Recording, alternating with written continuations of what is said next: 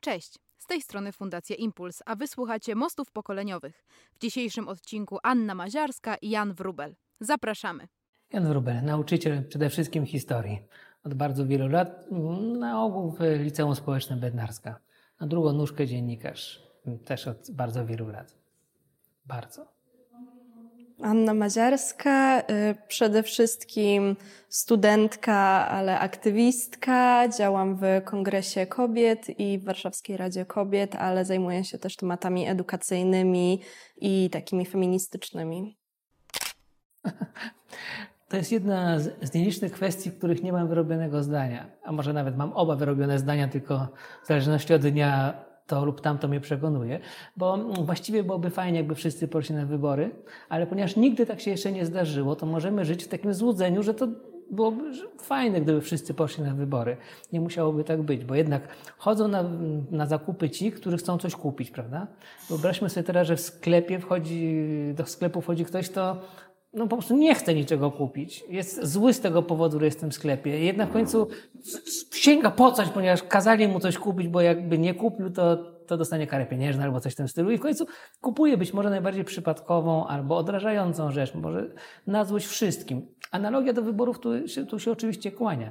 E, ludzie mogliby ruszyć na wybory po raz pierwszy w swoim życiu i być może byliby tacy w takiej dostojnej e, szacie, wybieraliby mądrzej, a może byliby źli na to, że, że głosują, co to za idiotyzm, mnie to nie dotyczy, no i dopiero mielibyśmy się spyszne, prawda?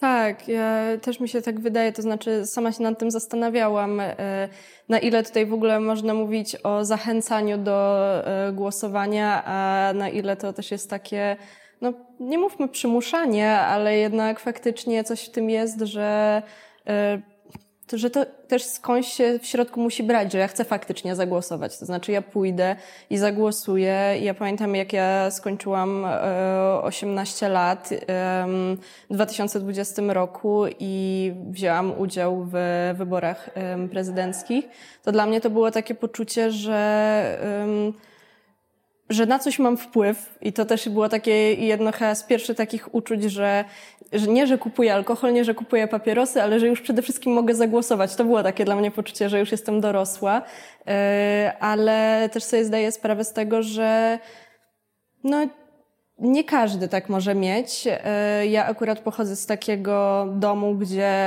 e, chodzenie na wybory to było mm, no taka Powiedzmy, A tak się robi. Tak, tak, tak. No, że po prostu idziemy wszyscy razem, tata mi pozwala wrzucić e, jego, jego kartę e, do, e, do pudła z głosami i, i to dla mnie było takie wydarzenie po prostu rodzinne, że można było w niedzielę się razem wybrać na wybory.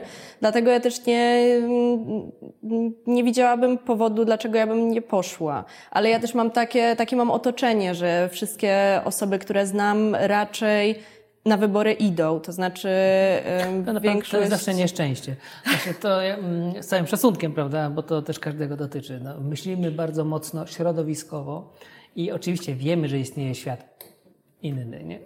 ale jest dla nas on obcy. To znaczy, tu akurat już nie mówię ad personam, bo się nie znamy tak dobrze, ale to jest dość częste w wypadku ludzi z pokolenia tych 20-30 latków, że zupełnie nieźle znają Hiszpanię i Grecję, y, natomiast można ich zaskoczyć pierwszym topograficznym pytaniem na temat własnego miasta, mm, bo też na przykład nie mają tam żadnych znajomych. Jak chodzą do szkoły muzycznej na ulicy X i do szkoły licealnej Y, to okazuje się, że, że w połowie miasta w ogóle nie bywają nigdy, bo nie mają tam żadnych znajomych, bo wiedzą, że tam mieszkają jacyś ludzie, ale jacyś inni i tak dalej, i tak dalej. To tak przy okazji powiem tych wyborów, nie? jeżeli coś jest w wyborach takiego, co mnie urzeka, bo akurat na ten wpływ, ten wpływ mi się wydaje minimalny jakbym zagłosował do góry nogami, narysował wróbelka zamiast tam właściwego Xa, to właściwie coś takiego zdarzy, prawda? Jeden z kilku milionów głosów będzie miał wróbelka zamiast e, zaznaczonego tam e, Jarosław Lech Kaczyński. To, to, no i, i so what? Natomiast to, co mi się podoba w wyborach, to jest to, że one są fizyczne i że wszyscy jednego dnia muszą to zrobić. Mhm. Znaczy, wszyscy, którzy poszli, poszli tego samego dnia. To jest dzisiaj, kiedy jest milion baniek i milion aktywności w internecie, to jest taka przyjemnie staromodna. Tylko nie wiem, czy każdego przekonuje to hasło, choć wybory są vintage. No, coś w tym jest. To znaczy, jest to chyba jakiś taki sposób, żeby um, żeby zachęcić osoby do głosowania. To jest też ten e, case tego, gdzie się głosuje. Bardzo dużo osób z mojego liceum powyjeżdżało na studia za granicę. I tutaj mają um, ten problem, że na przykład stresują się, że głosując za granicą, na przykład ich głosy nie zostaną policzone ze względu na to, jak to w tym roku wygląda i że um, ograniczono bardzo mocno ten czas na liczenie głosów, przez co część osób, które na przykład mam koleżankę mieszkającą we Francji, która zastanawia się, czy by na wybory nie przyjechać z powrotem do Polski, a nie mieszka w Paryżu, tylko musiałaby najpierw jechać pociągiem do Paryża, stamtąd lecieć do Polski, głosować i wracać z powrotem na studia, ale powiedziała, że jest w stanie no, przemyśleć to i naprawdę mogłaby to zrobić, dlatego że e, zależy jej na tyle e, na tym, żeby wziąć udział w wyborach i żeby jej głos przede wszystkim też został policzony. To znaczy tutaj no chyba mówimy też o jakimś takim poczuciu, że ten własny głos jest naprawdę istotny i no ale tutaj też Pan mówi o tym, że, że faktycznie, no na ile to faktycznie, na, na ile to wpływa, to znaczy na ile faktycznie jest to y, siła tego jednego głosu. No, oczywiście raz na milion razy zdarza się, że właśnie jeden głos przeważył szale wśród miliona, prawda? To, to się oczywiście zdarza. Natomiast to, co mnie zawsze ciekawi, to jest jakiego typu komunikat wysyłamy do tych, którzy na wybory nie poszli. Czy jest to komunikat, y, o który łatwo, no, sorry, prawda? Polska, krew przelana, dzieci we wrześni, a wam się nawet D nie chciało ruszyć, żeby wrzucić tę kartkę, najlepiej z własnymi dziećmi, prawda? I to jest pytanie, czy y, jak kogoś ochrzanimy za to, że się jakoś zachował, to on potem się zachowuje inaczej, czy wręcz przeciwnie, umacnia się w tym przekonaniu, że istnieją jakby dwa gatunki ludzkie.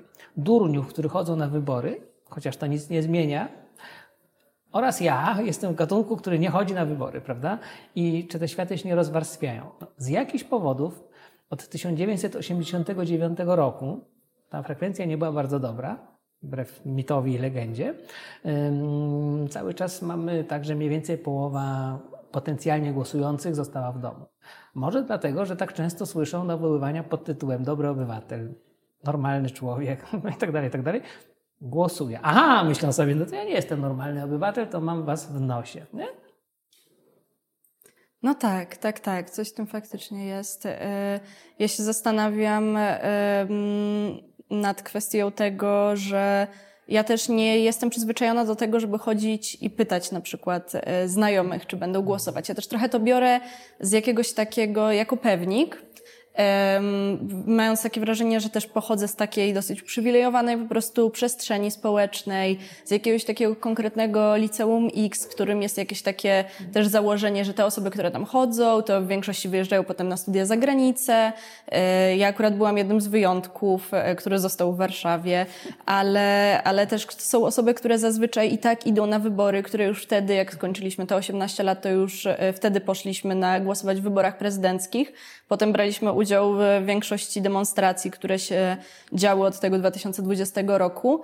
I ym, jestem jakoś tak przyzwyczajona, że ja w zasadzie nie pytam ludzi, czy idą na wybory, dlatego że w jakiś sposób to ym, biorę za pewnik. Ale właśnie ostatnio nad tym e, się zastanawiałam, rozmawialiśmy z paroma osobami dosłownie parę dni temu na Igrzyskach Wolności w Łodzi. E, I mój tata zwrócił mi uwagę słusznie, że na pewno na przykład nasi jedni znajomi, których tam, tam mi wskazał, że raczej oni się wydają takimi osobami, które raczej są młode i nie pójdą na wybory. Ponieważ ja tam nawet zapytałam dlaczego, co, co za tym stoi, bo sama nie jestem w stanie, autentycznie nie jestem w stanie zrozumieć, e, co takiego faktycznie jest, że, że na przykład ktoś nie, nie, nie idzie na te wybory. Um, ale rozmawialiśmy z tatą, powiedział, że pra prawdopodobnie jest to dlatego, że te osoby po prostu y, mają takie przeczucie, że oni, ich nie dotyczy polityka, że to nie jest w ogóle ich sprawa, że to jest, że to są osoby, które nie mieszkają w Warszawie, które e, nie pochodzą z tego mojego środowiska takiego, że um, gdzieś takiego, gdzie no można powiedzieć właśnie założeniem jest takim, że biorę udział w takim życiu społecznym, publicznym, w jakimś takim e, chodzeniem na demonstracje, za obronę demokracji, e, za wolne media, za edukację. A tutaj mam takiego do czynienia z osobami, które są bardzo sympatyczne, są bardzo. Pozornie. Pozornie, są bardzo zaangażowane, towarzyskie, ale w jakiś sposób nie czują, że w ogóle ten, ten, ta przestrzeń e, społeczna ich jakkolwiek dotyczy. I to jest dla mnie um, bardzo ciekawe, dlatego że rozmawiałam e, też z jedną z posłanek ostatnio w tym temacie, która bardzo słusznie wskazała, że no to, to jest takie typowe, że się mówi, że ty się nie interesujesz polityką, ale polityka się interesuje tobą. Ale faktycznie, kiedy ona zaczęła mi wymieniać, że polityka to jest to, gdzie na przykład dziecko twoje idzie do szkoły, gdzie ile ty odstoisz w kolejce w szpitalu, yy, gdzie na przykład pójdziesz na wybory, ale też zupełnie codzienne sytuacje tak naprawdę, to dopiero wtedy zaczęłam się orientować, że tak, naprawdę polityka jakby interesuje się mną i to bardzo, bardzo. Pytanie, czy kluczyk do drzwi to jest głosowanie? To jest sposób pytanie. To, najzwyczajniej w świecie, w Polsce, na dobre i na złe, mamy dość rozległy taki sektor załatwiania spraw publicznych poprzez prywatne, prywatne kombinowanie czy prywatną przedsiębiorczość. To ma swoje złe strony, to nie ma się w ogóle co oszukiwać, nie? Ale bywa, że jest bardzo przydatne w polskich dziejach i takiej rzeczywistości. I jak słyszę na przykład mm, no, można by poprawić polską szkołę, to myślę sobie, jak bardzo wielu rodziców myśli w tym momencie dokładnie coś odwrotnego. Jak bardzo mógłbym poprawić szkołę mojego dziecka dla mojego dziecka. Nie? To znaczy, ilu jest takich rodziców, trzymając się tego przykładu, którzy odruchowo myślą w ten sposób. No, szkoła mogłaby organizować więcej interesujących zajęć sportowych. Mhm. A ilu pomyśli w ten sposób? Szkoła ma nudne zajęcia sportowe, to jakie ja załatwię zajęcia sportowe dla mojego dziubusia, nie? w szkole albo poza szkołą. I chodzi o to, że wydaje mi się, że na pewne mm, takie zachowania społeczne utrwalone nie można się obrażać. Mhm. One mogą irytować człowieka, ale powinien to moim zdaniem skrywać. E, dlatego, że na tych, na tych zachowaniach budują się nie tylko tego typu postawy społeczne, które może mogą irytować, ale też i takie postawy jakiejś dobroci, prawda? No, alternatywą wobec niepełnego dobra może być o wiele mniej dobra, a nie pełnia dobra. Może moglibyśmy mieć społeczeństwo, w którym bardzo wiele osób byłoby zarówno biernych, jak i ciapowatych i nie chodziłoby na wybory, nie? I to właśnie nie byłoby lepiej. E, ja po prostu tak, jakoś mam taką intuicję od lat, że bardzo wiele osób e, patrzy na wybory jako trochę wynalazek onych, jak byłem młody, no to komuniści byli nazywani onymi, bo też jakoś tak wyszło, że byli jakoś na zewnątrz tych właśnie ówczesnych baniek środowiskowych, w których się obracałem. I dzisiaj już nie ma komunistów, ale pojęcie, że są jacyś oni, którzy jakoś mają lepiej, nie? mają większe możliwości, korzystają z nich i przy okazji robią sobie wybory. I ja jakoś nie należę do tego, do tego, do tego świata. Znaczy, ja należę, ale ta osoba, której, która imaginuje wypowiedź, nie należy. I jeśli można powiedzieć coś irytującego, a w końcu czemu żeby nie, to ja uważam za zasługę dla y, PiSu dla Polski, że w 2015 roku i potem 4 lata później y, udało im się zdobyć trochę takich głosujących, którzy tak właśnie myślą, jak przed chwilą powiedziałem. Są jacyś oni, którzy naprawdę rządzą wszystkim, a ze mnie robią sobie tylko marionetkę którzy poszli na wybory w 2015, a potem poszli w 2019, bo okazało się, że to nie jest iluzja. Od tego, że ludzie głosują, coś się zmienia. Te, te zmiany nie, niekoniecznie możemy uznać za, za, za, szczególnie dobre dla całego narodu czy dla całego państwa polskiego. Ale tym ludziom one widocznie się jakoś spodobały, ale co, co mnie tym interesuje, nie ocena, czy one były dobre czy złe, tylko ocena taka, że to jest wszystko prawda. Nie? Przez 30 lat nie wiadomo, kto rządził, a nagle, nagle porządził ktoś inny, kto jakby cudzysłów nie powinien, rządzi i jak coś zrobi, to jest zrobione, prawda? Y, ja bym na tym budował hmm, taką politykę profrekwencyjną, a nie na tym, że ochrzaniamy ludzi, że zagłosowali na PiS. To, to, to na pewno nie jest profrekwencyjne. Boże, kto wymyśla te, te, te słowa w języku polskim? Chrząszcz to rozumiem, prawda? Chrabąszcz, to wszystko jest łatwo się mówi, ale profrekwencyjne. Jezus. Tak, ja y, w ogóle też jestem z tego, powiedzmy, pokolenia, które dorastało, w ogóle moja świadomość obywatelska, powiedzmy, kształtowała się już za czasów y, rządów PiSu. Tak naprawdę. To znaczy ja też. Y, Pokolenie, sama... które nie pamięta Polski tak, bez PiSu. Rzeczywiście, tak, dokładnie. To ja jestem dokładnie tak sobie o tym myślę, że jestem pokoleniem, które nie pamięta. Um, pamiętam urywki sytuacji właśnie na przykład wrzucania karty wyborczej, e, ale nie jestem w stanie sobie przypomnieć, jak wyglądała Polska, jak wyglądały szpitale, jak wyglądały szkoły e, przed pisem.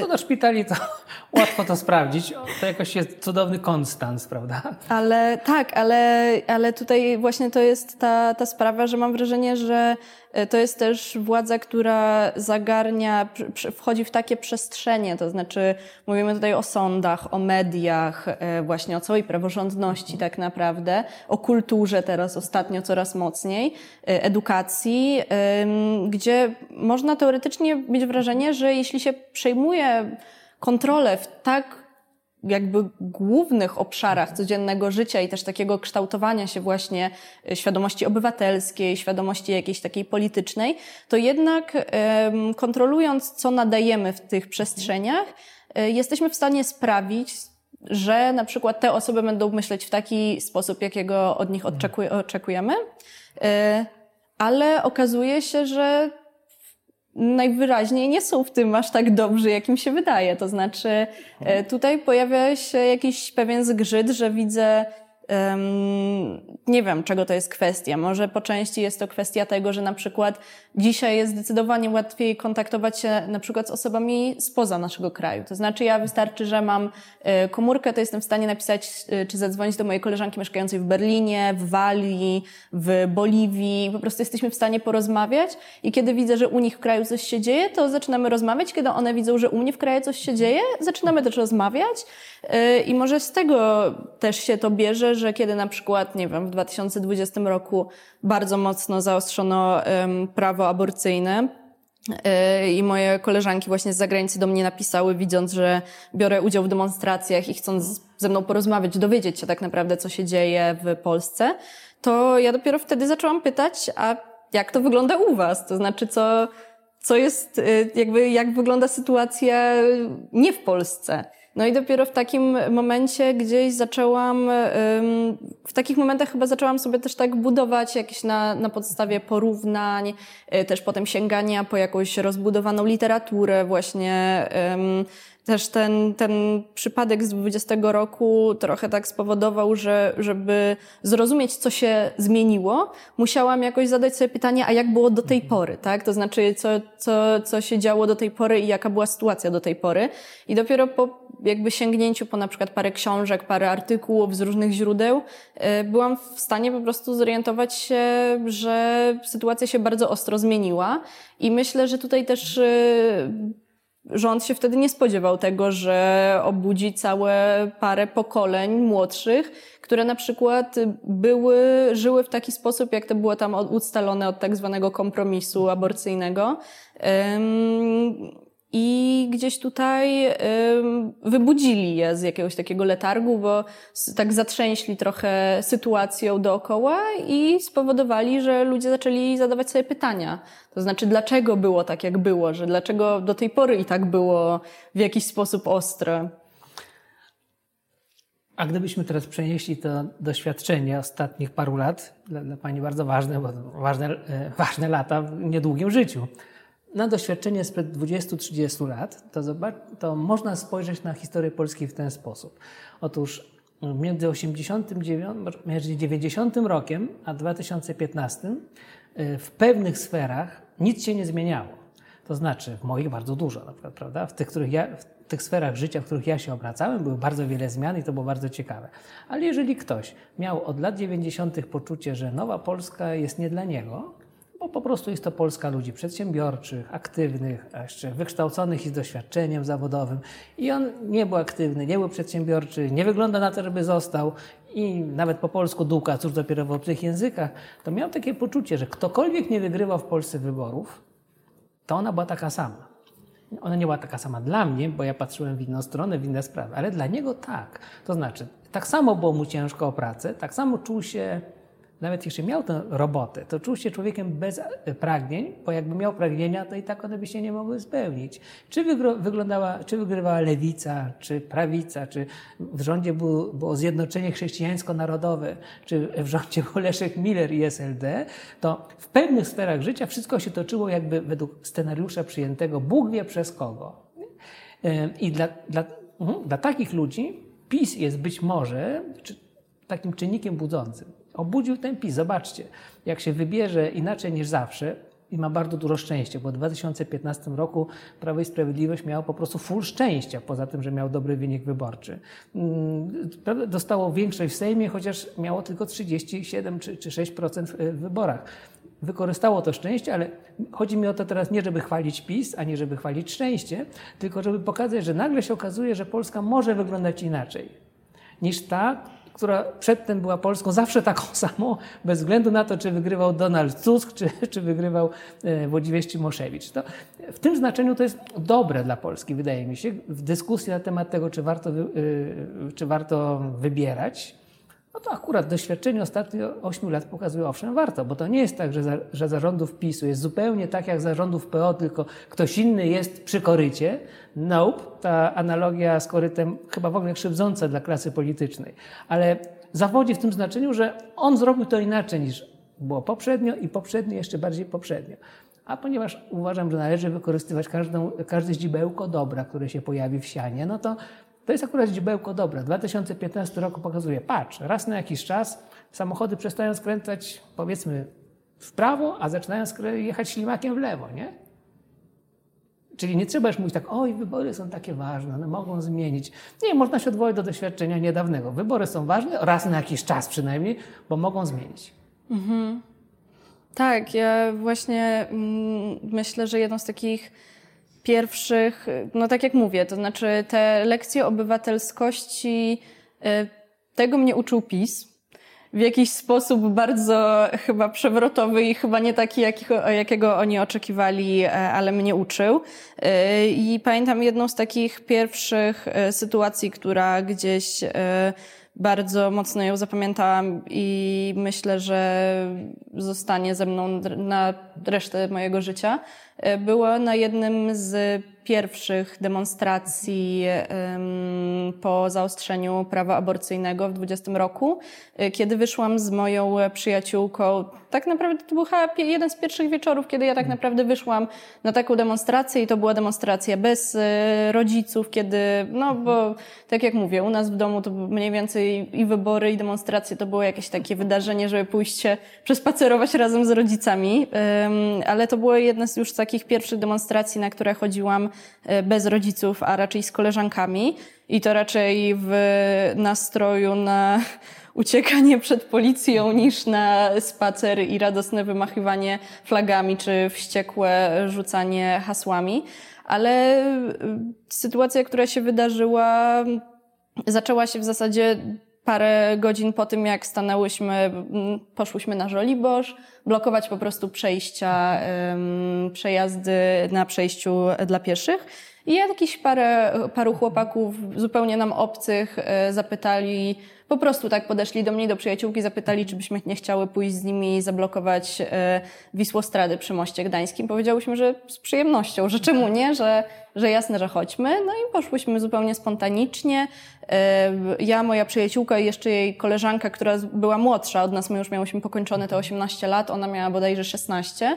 E, I kiedy weszliśmy wszyscy na pasy na Wisłostradzie i samochody zaczęły na nas trąbić, to z jednego z samochodów z przodu wyskoczył wielki facet. Mhm. I zamiast rzucić się na tych chłopaków, czy chociażby na nas, rzucił się na najmłodszą, naj, naj, najmniejszą dziewczynę, tę szesnastolatkę. E, ona siedziała na ulicy, żeby mhm. pokazać, że ona w ogóle się nigdzie nie rusza. Tak. E, myślę, że była w ogóle najodważniejszą z nas wszystkich. Mnie wmurowało w tamtym momencie, to znaczy jak zobaczyłam, że on się na nią rzuca i ją podnosi i zaczyna ją ciągnąć ze swojego auta, wszyscy zaczęli krzyczeć i po prostu jak przez mgłę pamiętam, że ktoś powiedział tylko, żeby to nagrywać. W momencie, w, w, ciągu paru sekund chłopcy się rzucili na tego faceta, próbując ją, gość ją rzucił na ziemię. Ona miała potem poranione bardzo mocno kolana. I jeden z chłopaków wskoczył z telefonem przed maskę auto, próbując nagrać rejestrację, a gość wskoczył do auta i uderzył chłopaka i uciekł. No i w jakiś sposób udało mi się, bo potem się rozdzieliły, rozdzieliliśmy się z tymi chłopakami, udało mi się w jakiś sposób ich potem przez Facebooka znaleźć. Opisałam tę sytuację na jakichś grupach i powiedziałam, że szukam z tych osób, bo chcemy tak naprawdę złożyć zawiadomienie na policję. E, tutaj bardzo, bardzo fajnie pomogli nam adwokaci i adwokatki z grupy Szpila. E, I mm, mój tata, który pracuje w Gazecie Wyborczej, e, też napisał o tym krótki artykuł i wrzuciliśmy tam to nagranie z tą rejestracją. Y, I napisała do mnie parę dni później jakaś zupełnie obca dziewczyna z zupełnie innego końca Polski, która powiedziała, że ja mam wrażenie, że ja znam to auto i że znalazła tę rejestrację na zupełnie innym zdjęciu i podesłała mi link do, wydaje mi się, że to było do Onetu, do jakiegoś artykułu Onetu. Okazało się, że samochód to jest y, służbowa limuzyna Mariana Banasia. A pan, który y, skoczył na naszą koleżankę, jest jego prywatnym kierowcą. I w tym momencie, kiedy staliłyśmy się z taką machiną państwa na zupełnym froncie, ponieważ oczywiście założyłyśmy zawiadomienie do policji o możliwym popełnieniu przestępstwa, załączyłyśmy zdjęcia, nagranie, zdjęcia poranionych nóg tej koleżanki, y, i, i link do tego, do tego artykułu, pokazując, że Znamy też człowieka, który to zrobił, bo faktycznie to były jego zdjęcia i to była ta osoba. I, ale policja stwierdziła, że nawet nie odesłali po prostu zawiadomienie, że nie, nie wszczynają nawet postępowania, ponieważ tutaj nie doszło do żadnego e, złamania przepisów i że nic takiego się nie wydarzyło. Ale kiedy też potem parę artykułów o tej sytuacji powstało, to NIK wydał oficjalne oświadczenie na, poprzez Facebooka, że to nastolatki rzuciły się na ich kierowcę i że, um, i że on poczuł się zaatakowany, że się facet przestraszył i że to tak naprawdę jest nasza wina. Także no, to jest taka jedna z takich doświadczeń, które, um, które myślę, że zapamiętam i bardzo lubię o tym mówić i bardzo lubię to powtarzać, bo to jest taki powód, dla którego ja wiem, że ja na przykład idę na wybory zagłosować. Bo to, co się wydarzyło um, i włączając to też i obecny rząd, i obecną prokuraturę, i obecną policję. To wszystko spowodowało, że nawet jak bardzo bym się nie chciało, jak bardzo bym nie czuła, że w najbliższą niedzielę, to znaczy nie w niedzielę, w październiku najbliższe wybory będę źle się czuła, czy nie będę miała siły wychodzić z domu, to ja sobie przypominam tę sytuację i sobie myślę, że jeśli nie dla siebie, to chociażby dla tamtej dziewczyny, która teraz ma 18 lat i też będzie mogła pierwszy raz bodajże zagłosować, Um, tak, no. Ja po prostu myślę, że uczciwie rzecz biorąc, trzeba się um, pogodzić z tym, że Polacy nie bardzo głosują. Że głosowanie jest jednym z elementów budowania rzeczywistości politycznej, w której żyjemy. I nie jest to jedyny element, i w Polsce nie będzie to element y, powszechnie występujący. Są jeszcze inne, to znaczy polityka to nie jest tylko wybieranie władz. To jest również y, stawianie różnego typu granic w swoim prywatnym życiu, życiu rodzinnym, troska o dziecko w szkole i, i o sposoby, sposób, w którym ktoś do nas przemawia. No, powiedzmy, pani pielęgniarka może przemawiać w sposób y, uczynny i empatyczny, może przemawiać jak wilk z opowieści dla dzieci, prawda? I to nie wymaga od nas aktu wyborczego, żeby mm, próbować tej pielęgniarce wyjaśnić niekoniecznie tonem wyższości, że w końcu to nie było miłe, prawda? Że, że zachowała się wobec dziecka czy chorego w taki taki sposób. To wszystko ma znaczenie polityczne, ponieważ kultura i kultura polityczna jest coś do siebie dosyć zbliżonego. Mhm.